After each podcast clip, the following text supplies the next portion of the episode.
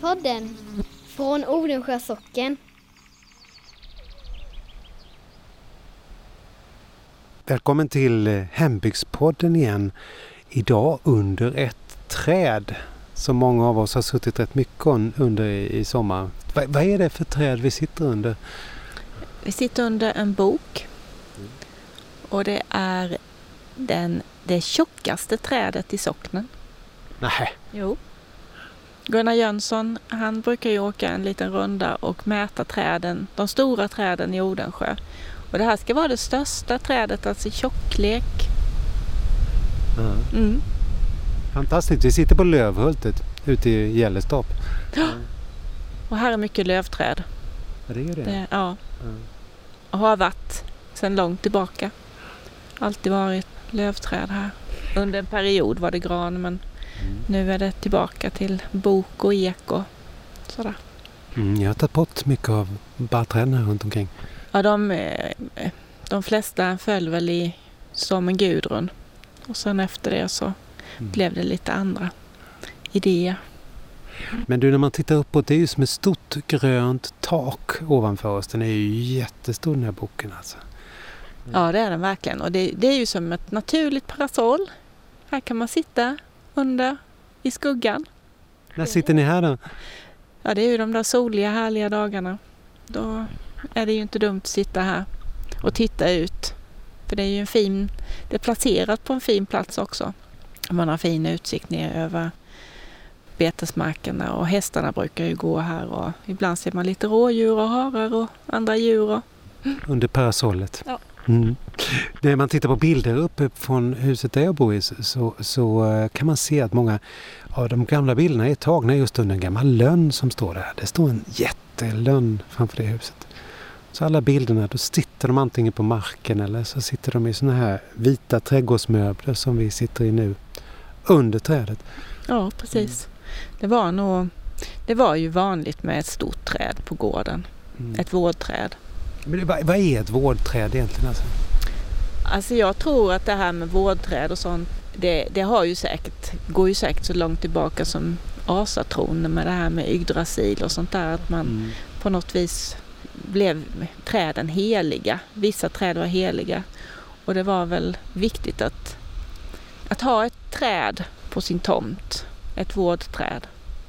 Det finns ju lite gamla såna här beskrivningar av hur det var då med vårdträden. Att när man byggde en, ett hus på en gård så planterade man ett vårdträd och då tog man det från den heliga lunden som fanns i varje by. Det fanns en liten lund helig med... lund? Ja, och det är ju säkert också någonting som då kanske härstammar från när man vid asatron och sådär, de gamla Mm. tiderna. Och då skulle man helst ta ett träd därifrån och det skulle helst vara en lind, alm eller ask. För det skulle vara ett högt och väldigt, bli ett, kunna bli väldigt gammalt. Det var viktigt. Ja. Ja. men det här med vårdträd var jätte, jätteviktigt. Mm. Det var någonting som man, eh, alltså man fick inte skada det trädet. Man fick inte bryta grenar och ta löv och sådär utan man skulle istället ta hand om det.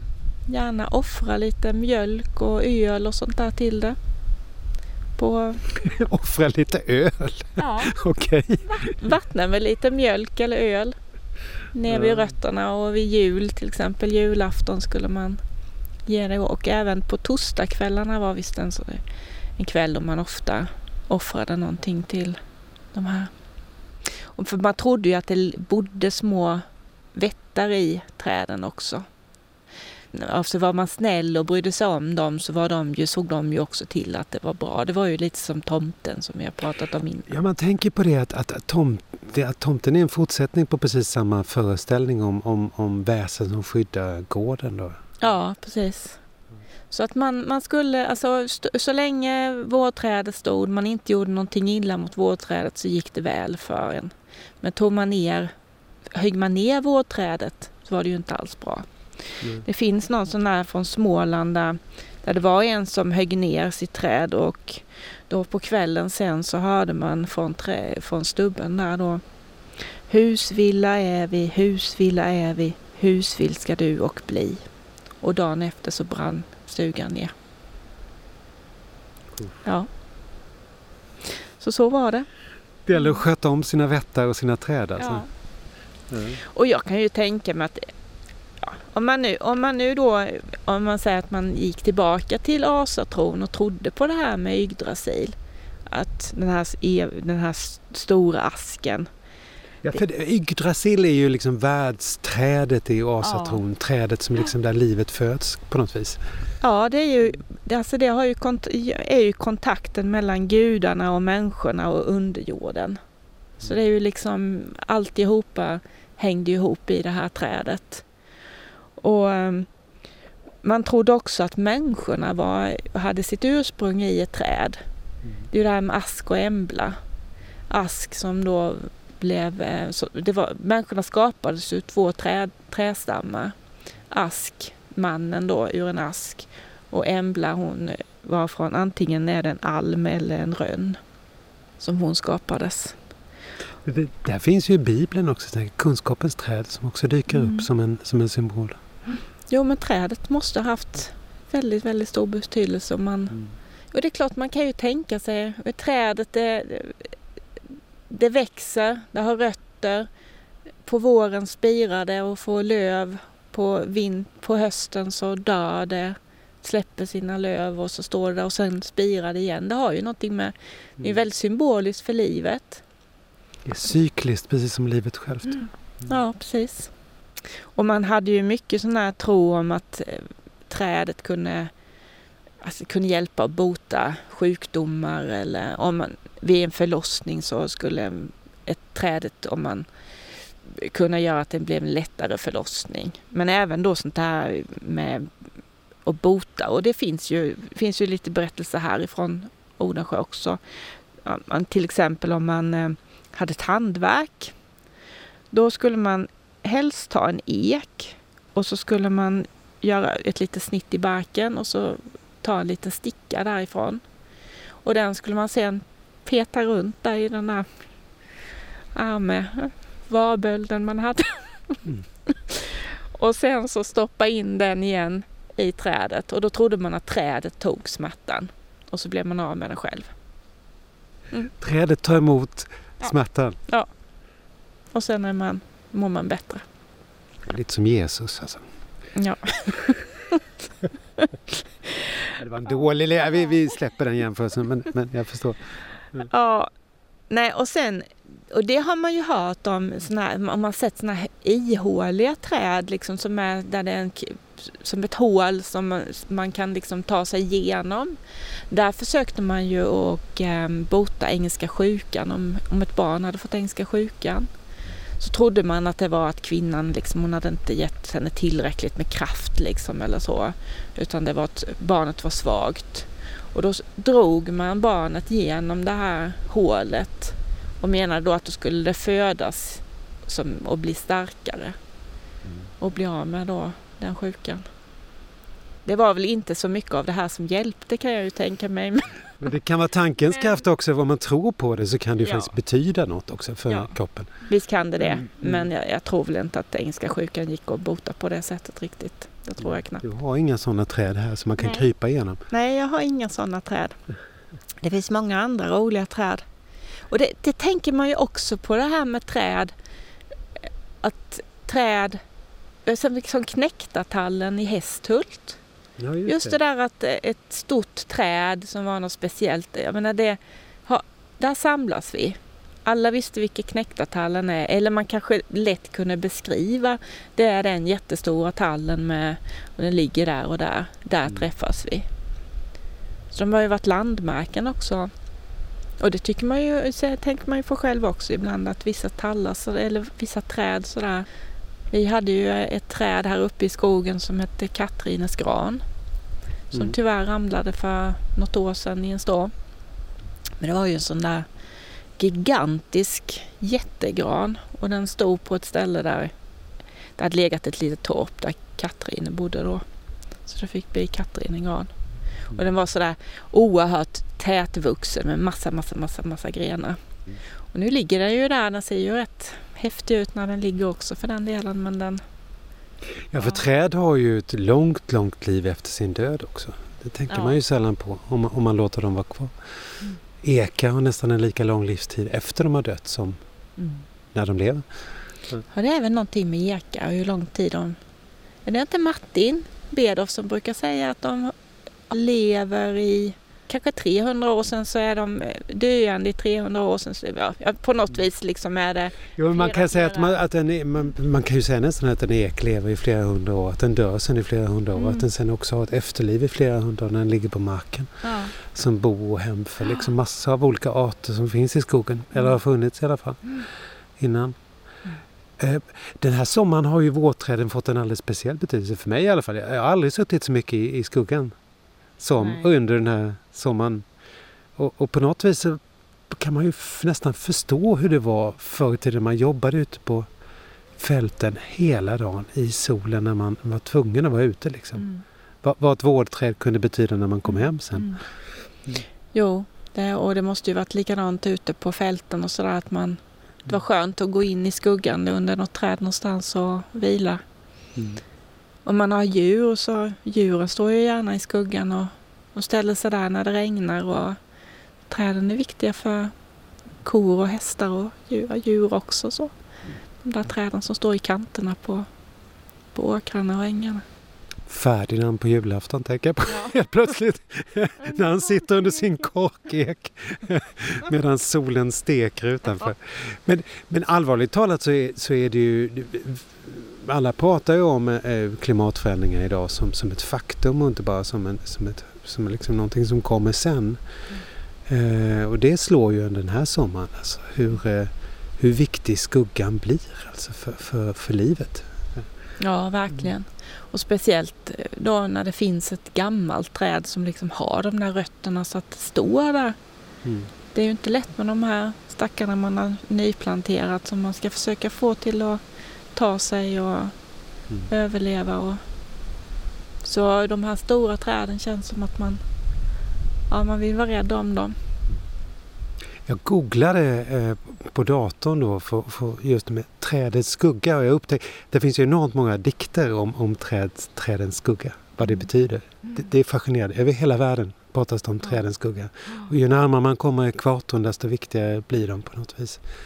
Men också om det som en kille som odlade mycket pratade om som mikroklimatet under träd. Som Mm. också är en sån där faktisk sak som du är ju odlare själv liksom. Förutom att du är byggnadsantikvarie. För det går, alltså skuggan är viktig för odlingen också, eller hur? Ja, det tycker jag i år. Så det jag har haft, eh, för jag har, alltså jag har en ganska skuggig trädgård. Och det har man ju märkt att där det har varit mer skugga har det ju klarat sig lite bättre. Och de riktigt utsatta soliga ställena har ju, ja, de har ju fått vattna till slut så hjälpte det inte ens att vattna för det torkade ut så. Och just under träden sådär, men det finns ju det här med eh, skogsträdgårdar. Det är ju ganska populärt nu att man liksom odlar perenna grönsaker. Eller, och det är ju mycket buskar och träd och sånt som man då kan äta av, ätliga. Och Vadå, som i en skog eller vadå? Ja, man tänker lite så som i en skog att man, att man ska ha det här med buskar och, och små typ blåbär och andra typer av bärbuskar och sånt. Men även träd då som hassel och alltså som ger nötter och sånt. Och, försök, och då, jag har, ju, jag har faktiskt aldrig varit i en sån men det skulle vara jätteroligt att åka någon gång och titta på en sån Mm. skogsträdgård. Men jag inbillar ju mig att det är lite som en lövträdslund eller någonting sånt där. Där man då har lite olika zoner. Och ju längre ut mot gräsytorna så kanske man har mer liksom örtliknande växter och sådär. Mm. Medan under träden så kan man då ha bärbuskar och sånt. Så trädens skugga kan vara bra för trädgården alltså? Ja, det tror jag. Sen är det ju klart, ska man odla tomater så vill de ju ha sol. Och gurka och sånt. så då får man väl, men, men sallad till exempel trivs ju ganska bra i lite skuggigt. Och purjolök och lite andra sådana där. Som inte kräver så jättemycket solsken för att mogna. Utan som snarare går i blom och tycker det blir, nu är det dags nu snart höst när det blir för varmt. Den här odlaren som, som har en blogg i land, han, han beskriver ju hur han reste till Frankrike och till länder runt Medelhavet där och, och var så förvånad över just att, att träd var så viktiga. Att Mm. man fick liksom inte ta ner ett sånt här gammalt lövträd bara så därför att det var så viktigt för dels för skuggan och möjligheten att få vila för människor också men också då för, för odlingar och, och för att kunna bedriva något, någon form av lantbruk i stekande sol. Alltså. Jo, jag menar det är ju, jag har varit nere i, i Provence ett par gånger och, och där är ju de här stora platanerna bland annat. Jag har varit vid något torg där det var en bassäng i mitten och sen var det plataner runt om. Och ligger de här små kaféerna och det runt om i skuggan där. Och är det någon gård eller så så har man ett stort träd. Och de här platanerna är ju häftiga för de kan man ju verkligen göra som stora parasoller och klippa så de liksom går väldigt långt ut och skuggar väldigt stor del av Mm. gården och sådär. Då får man ett sånt där parasoll. Ja, Mm. det är jättefint tycker jag. Även i Grekland har man suttit väldigt mycket kring under... Då är det ju vindruvorna som ligger som ett, som ett tak över, över spaljerna för att man ska kunna få lite, lite skugga och lite vila. Mm. Tänk om det är så det kommer att bli. Ja. Även i Sverige. Jag, Ja. Den här sommaren har man ju tänkt jättemånga tankar om, om sånt. Mm. Om, om vad skuggan kommer att betyda. Mm. Ja, jag håller med. Den här Mm. sommaren har man funderat mycket Mm. på, på hur, man, hur man kan lösa det. Vad man kan hitta för lösningar för att kunna bedriva både jordbruk och trädgårdsodling och vad man nu än som har med jorden och odlande och på något vis och djurhållning att göra. Mm. Det här med hur, hur, hur kan vi få vatten? Hur kan vi utnyttja vattnet på ett bättre sätt? Och, och hur kan man då plantera för att det ska trivas bättre? Det är många, många frågor, många Mm, ja, tankar. tankar. Och, men det är, det är ju lite utmaningar också. Och det vet vi ju inte. Vi vet ju inte hur nästa sommar blir. Men, men att det blir såna här lite extrema, det känns det ju som att det kan bli. Mm.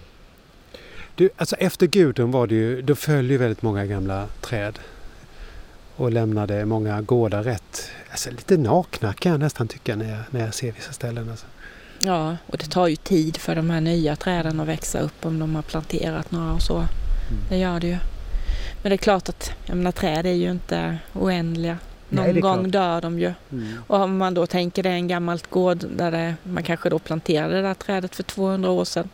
Så är det ju inte säkert att det klarade den där sista Mm. stormen. Men ibland när man är ute och bilar så här, kan jag nästan se, man ser ett hus som ligger så. Man, man liksom ser att nej men här skulle det vara ett, ett träd. Det är bara en, en grön platta liksom och så ligger huset där. Så är det Ja. något som... Ja, jag kan känna ibland det saknas något här. Alltså.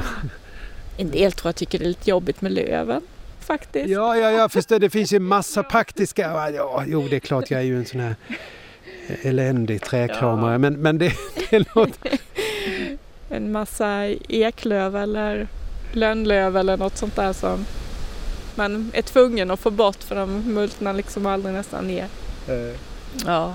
Jag tror det spred sig också en liten trädrädsla efter Gudrun. Att, att Ja. träd är farliga, träd kan falla, träd kan skada huset, träd kan... Om, liksom om jag fick en krona för varje... Det är oftast karlar som säger det här, jag vet inte varför det är det. Ja, det är inte bra för huset. Nej, nej, men det är sant. Att det är klart. Och det är visst, man ska väl kanske tänka var vindriktning ligger, går och sådär för det. Mm. Men sådär väldigt stor. Jag tror, så hemskt vanligt är det ju inte ändå att de trillar tycker jag. Nej, och de som har klarat de här stormarna vi har haft, de måste ju vara testade för det mesta tycker man. Ja, det kan man ju tycka. Nej, men sen kan man ju säkert anlita någon arborist eller något sånt där som kanske kan ta lite... Jag menar, om man tittar upp i ett sånt här träd så är det ju en del döda grenar och sånt där som... Och de trillar ju ner. Det här ligger ju några nu när det har blåst lite. Mm. Och, eh, så, så sånt är väl kanske inte fel och ibland att göra en liten uppfräschning sådär kanske. Mm. Det mår det säkert inte dåligt av utan snarare tvärtom om det är någon skada eller så så att den blir lite friskare liksom. Mm. Arborist, alltså de som vårdar träd, det är ju ett yrke som har växt under de senare åren. Ja. Det kan man se ofta eh, nu. Det är häftigt tycker jag. Jag, jag skulle aldrig våga för jag är höjdrädd men eh, alltså de som vågar och upp och klättra och, och jag hörde på radio bara här om veckan om att det var tävlingar i det. Och det var någon tjej från Sverige som skulle iväg på VM i, i träklättring. Det är ju jättehäftigt. Ja. Jag har sett det på tv någon gång, men de klättrar ju upp. Det är som en bergsklättring och så Ja. upp och så med, med sågar med sig Ja. när de l- firar upp sig Och sen är de ju säkerhetstänk liksom med selar och linor och grejer så att de, de vet ju vad de gör. Mm. Men det, ja, det är häftigt. Undrar om det kommer att byggas lika många soldäck i framtiden. Alltså. Ja, nej det får vi se. ja. Alltså, du, du är ju byggnadsantikvarie Jenny. Du har ju varit ute och, och inventerat alla gårdar i, i Ljungby. Vad spelade vårträden för roll då när man tittar på gamla hus? Jo, men när vi gjorde de inventeringarna så skulle man ju även göra en liten kartskiss. Och eh, där skulle man skriva, eh, liksom rita in var bostadshuset och var ekonomibyggnaderna låg. Och man skulle också notera var brunnen fanns, om det fanns en äldre brunn. Och var vårdträdet stod. Det skulle man rita in. Så självklart var det alltså? Ja, det var en del av själva byggnadstraditionen eller en eh, gårds historia. Och det brukade jag, om det gick, ta ett kort på. Det kanske var lite svårt ibland, om det var lite svårtillgängligt, men ett fint vårträd det finns foton på i, i de här samlingarna. Underbart för hela, för hela Ljungby kommun. alltså. Ja. Men du, vad ska man placera ett vårträd då? Vad, vad står de oftast eh, om du nu har inventerat alla de här gårdarna? Ja, men de brukar ju stå på gårdsplanen som är... Ja, här gör det ju inte det, men många gånger så var det ju liksom... Eh, eh, ja, framför, framför bostadshuset och det står det ju här med. Framför ingången, entrén eller så. Och ibland så var ju då laggård och sånt liksom omgärdade det så då liksom blev det ju på något vis inne på gården eller så. Men där stod de ofta. Ibland i någon sån här typ av lite rundel eller, eller något. Alltså så att det kändes som att den stod i mitten men ofta på vid sidan om eller så. Och ibland var det ju två sådana där stora träd framför ett hus. Det hände ju också att folk planterade ett träd när någon föddes. Ett träd för den personen. Ett livsträd? Träd, ja. Mm. Och, men det tycker jag låter lite kusligt. För det är så, står, det är, om man läser om det så står det, ja, och det ja, hur det gick för trädet och gick det då för den personen. Och jag tycker det är oh. väldigt nervöst om man planterade ett träd till sitt barn och oj vad man skulle få pyssla med det. Det räcker väl att man ska pyssla om barnet tycker jag. Det blir röta sen så går det åt helvete. Jag, Ja, fy sjutton. Nej, det hade jag inte vågat. Du, vi sitter ju under ditt vårträd men du har ju också väldigt mycket fruktträd här som också är på något vis ofta en del av en gammal trädgård när man, man tittar på hus. Ja, alltså alla dessa fina filippaträd som växer här. Filippa är det här, så Mm. äpplen. Ja, de var ju, det här huset byggdes ju, det är ju Hans eh, eh, farfars mor som lät bygga det här som, som sitt ställe då när Mm. hans, hennes son då, Hans farfar, fick ta över gården. Och det var ju på 20-talet, 1927 var det väl. Och eh, då tror jag det här Filippa var väldigt poppis. Jag kan tänka mig det kom, man beställde och så kom det väl på tåget. Och så planterade man de här Filippa-träden. För de blir ju väldigt stora och ger väldigt god frukt. Jättetrevliga träd tycker jag. Och sen nu har ju de här fått växa och de är ju... Ja, sitter man här på kvällen och, och så blir de som svarta silhuetter liksom mot himlen. Det är Mm. jättevackert tycker jag med de här. Alltså träd är ju väldigt vackra eh, när på året det än är. När de inte har några löv så är det ju det här gre- grenverket och sen när det spirar och det blir det här ljusgröna härliga och ja. Ja, de följer verkligen årets vändningar. Ja, det gör de. Nej, och, så det är ju jättekul med de här filippaträden. Men nu är de ju rätt gamla. Men eh, de kan säkert stå länge, länge till. Och ger ju fortfarande gott med frukt. Men jag tycker det är lite roligt med äppelträd. Ja, jag vet, du, du har ju en speciell... Du, du har bakom uthusen här så står det vet en massa ympar som du håller på med. Ja, precis. Ja, jag vet ju ingenting om det här men du Nej. får berätta. Det är jätteroligt. Eh, vi har ju planterat några träd här, eh, lite modernare äppelsorter också. Och, eh, men sen så blev jag, tyckte jag det var lite roligt det här med ympning. Eh, jag provade på det för rätt många år sedan. Men eh, eh, nu för ett par år sedan så tänkte jag nu ska jag gå en liten kurs och lära mig lite mer och sådär. Så jag gick någon sån där dagskurs på Trädgårdsföreningens kurser. Så då lärde jag mig att ympa på, på träd. Alltså, man, man tar ju då, alltså alla äppelträd är ympade. Om man till exempel tar ett, ja ett filippaträd till exempel.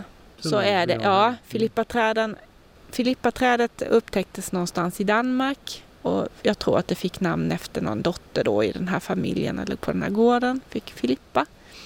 Så där på den gården står kanske fortfarande Filippa-trädet kvar.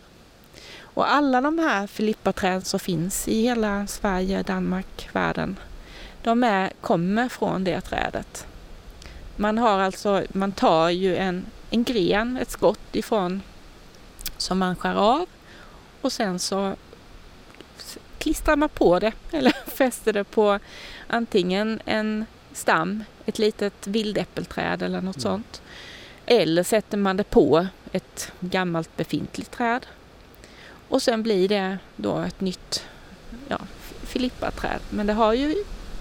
Sen kan, man ju ta, kan jag ju ta från filippaträd här och ta nya och sätta ympa på andra träd och få fram nya filippaträd. Men grunden är, det kan aldrig, man kan aldrig ta ett äpple från ett filippaträd, så en kärna och tro att man får ett filippaträd. För det får man inte. Kan man få vad som helst? Ja, precis vad som helst. Det kan bli jätteäckligt eller det kan bli supergott. Det här tycker jag är så fascinerande. Det är nästan som att man inte förstår det. Nej, det är jättemärkligt. Ja. Men det går inte att... um, Men däremot kan man ju, om man sår äppelfrön, så kan man ju faktiskt få fram en jättefin sort. Många, många av våra trädsorter som Säftaholm och Åkerö och alla de här kommer ju från gods, från stora gods. Och på, vid en tid då så var det, skulle alla gods ha sitt eget äppel. Och då de här trädgårdsmästarna de liksom fick ju hålla på där då och så en massa äppelfrön och grejer. Och, och till slut så fick de kanske fram då ett som faktiskt var ätligt och gott. Och då var det liksom, ja det var Åkerös eget äpple. Ja. Och det höll man på sen då och tog impar av och, och fick fram ännu fler då. Ja, det är jättespännande. Så nu har jag ju då provat och när det gäller grundstam så, kan man, så finns det grundstammar som gör att trädet växer väldigt starkt och blir ett stort, kraftigt träd. Och det finns de som är svagväxande som gör att trädet inte blir så riktigt lika stort. Och då kan det ju passa i en mindre trädgård eller så. Och då köper man en sådana grundstammar. Man får då en liten träd med Mm. lite rötter och så. Som har liksom, man har dragit upp. Och eh, sen bara kapar man av dem en bit och så sätter man då, tar man någon, en gren av något skott, för det var då ett liksom Mm. lite mjukare. Eh, och eh, snittar det då och snittar det andra så att det passar ihop. Så att de får kontakt med varandra. Och så lindar man om och har lite vax, ympvax runt så att man inte kommer åt fukt eller så. Det skyddar. Och sen växer det fast och blir då ett nytt träd. Sen väntar man 20 år. Ja, typ innan man får frukt. och då ska man hålla på och forma och greja med det också så det blir ett snyggt träd. Ja, det krävs ett visst form av temperament för att ägna sig åt det här. Men Ja, och förra året så sådde jag faktiskt äppelfrön så nu har jag ju liksom sådär 10 centimeter höga små plantor som jag ser fram emot att de två år kanske då kunna ympa på. Det är ju ännu roligare. men du, ja, jag- men som odlare är, är man aldrig hopplös. nej, nej. Nej, man ser alltid framåt. Ja. Så, eh, trots denna torra, tråkiga sommar så nej, den har ju varit fantastiskt härlig. Mm. Vilka bad det har varit. Jättehärligt. Men väldigt Men- varmt. Ja, varmt och torrt. Och som odlar sommar var det ingen höjdare. Nej. Men trots det så, så börjar man ju redan planera vilka tomatfrön man ska köpa och vad man ska så till nästa år. Mm. Låt är icke nedslås. Nej. Aldrig. Fast jag tänkte till lite grann för när man kör hit till dig i till din trädgård så kör man förbi Hultaviken där vi har ju berättat om våra 10 000 år gamla stubbar. Förmodligen resten av den allra första tallskogen som dök upp efter istiden här. Och de visade sig för två år sedan och, och eh, det var mycket, det skrevs över hela Sverige. Jag tror det skrevs 12 eller 12 artiklar tror jag låg ute. Det skrevs i hela Sverige om, om just de här gamla stubbarna, Sveriges äldsta stubbar. Men nu är de uppe igen alltså. Ja. Och det är ju det är två gånger på väldigt kort tid och så borde det inte vara liksom. Nej. De har klarat sig där i 10 000 år. Det väcker ju tankar alltså. Mm. Faktiskt. Ja, det gör det. Nej, man blir, man blir lite förskräckt Mm. när vattnet bara drar, försvinner. När grundvattnet sjunker och brunnar sinar och, Mm. och sjöar och dammar och åar. Jag menar ån som rinner här nere, det är ju inget vatten i den alls nu. Mm. Nej, det, det är inte alls bra. Vi får se hur våra Sverigekända stubbar klarar sig här då framöver. För det, det är klart att de far ju illa när de är uppe ovanför vattnet, det gör de ju. Men om ni vill så kan ni ju kasta en blick på dem faktiskt när ni kör förbi Hultaviken. Titta på dem, för nu är de alltså uppe igen. Vi kommer nog behöva trädets skugga i framtiden tror jag. Ja, det tror jag med. Och det är väldigt trevligt. Ja. Alltså det är behagligt att sitta. Och jag menar det är ju jättehärligt en, eh, varm dag och sätta sig under här och dricka lite kaffe och Mm. Bara njuta i svalkan. Och du har så fina trädgårds, såna här vita trädgårdsmöbler också Mm. som står här. Den som är som en liten eh, karmstol. Det var någon i Byholma som byggde trädgårdsmöbler. Det låg ett litet snickeri där. Nu kommer jag inte ihåg vad han hette. Så många av de här som man ser, just den typen här runt om i, ja, säkert hela Odensjö socken kan jag tänka mig och Annesta med kanske, har sådana möbler som är därifrån. Det är lite roligt. En bit lokalhistoria. Ja, och vi tittade ju nyss på ett eh, gammalt flygfoto härifrån där, som var från 40-talet och då står de här möblerna under boken. Precis som de gör nu. Lite mindre bok men lik förbaskat så står möblerna där. Ja. Du, på tal om kaffe, det är den första lite kyliga dagen idag faktiskt efter den här fantastiska sommaren med sina, sin värme alltså. Du sa kaffe? Ja. Ja. Ska vi gå in och ta det? Ja, jag tror inte vi behöver sitta ute och dricka kaffe idag. Idag går vi in. Hörrni, vi kommer tillbaks med Hembygdspodden förstås. Och eh, vi har faktiskt en jaktpodd kvar som vi inte har sänt. Där eh, Mikael Eriksson i Röshult kommer att ta med oss till det vackraste jaktpass han vet. Och berätta lite mer om jaktåret och så. Innan vi lämnar det för sommaren. Och jaktutställningen fortgår ju fortfarande. Och kattutställningen. Det har varit mycket folk där också. Ja, det har det. Det har varit jättemycket folk i parken ju. Ja, alltså, det tror man i och för sig varje år. Nu kommer vi verkligen ha slagit rekord. Men i år tror jag det faktiskt. För de här härliga dagarna så har det varit skönt att, att vara där nere i parken. Ja, under ekarna där. Vi har ju Ja, träd där nere också som ger lite skugga i den här Ja, hettan. Alltså. Jag menar det här svalka lite från sjön och sådär. Det är ju jättehärligt. Och så goda våff- våfflor. Mm. Du, barnens dag är ju på gång också. Vad, vad är detta? Ja, jo vi ska ha barnens dag. För det pratade vi, bestämde vi förra året tror jag. Att vi Mm. skulle ju ha en dag för barnen. Och eh, den här gången så, mm, så tänkte vi, tar vi upp de här teman som vi har då. Så de ska kunna få göra lite pyssel och så. Och bland annat kan man göra en käppälg. Käppälg. Ja, förra året gjorde vi käpphästar för då hade vi hästutställning. Och i år är vi kreativa och sätter horn på hästarna. Det ska bli mycket spännande att se de här hornen faktiskt. Ja, Ja. jo det förstår jag. Så det måste ni komma och kolla på. Mm. Det kanske kommer någon bild sen, vem vet. Och sen så var det ju det här då med hattutställningen. Och då kan man dekorera sin hatt. Barnen kan göra det. Och så blir det lite sagor, lite sagostund. Ja, du ska läsa. Ja, jag ska läsa Hattstugan. Det är självklart. Hattstugan måste du vara. Ja, alltså Elsa Beskow har ju mycket sånt som är kul. Alltså där finns det ju en fantastisk trädhistoria också. Äventyrsresan. Och det är om två barn som hittar en sån här nedfallen trädstubbe som ligger ute i skogen eller något sånt där. Och sen så blir den ju till en drake och de åker iväg på den här resan och ja, den är så fantastisk. Den är jätte, jättefin. Det är en favorit när jag var liten. Jag hade ju någon idé om att vi skulle ha byggt en hattstuga i, i parken men det var lite svårt att genomföra. Ja, ja men vi har ju Medelbergsstugan. Ja, vi får ha Medelbergsstugan Ja. så länge i brist på hattstuga. Ja. Sen är det bara en söndag kvar med våfflor. ja. Och sen Sen är det slut. slut. Åh! Ett helt år till nästa så våffla. Men då serveras den på nationaldagen. Ja, precis. Ja, Om ni vill skriva in det i kalendern. Det är jättebra. Nu går vi och tar kaffe tycker jag. det gör vi. Ja, tack så mycket. Vi hörs igen snart.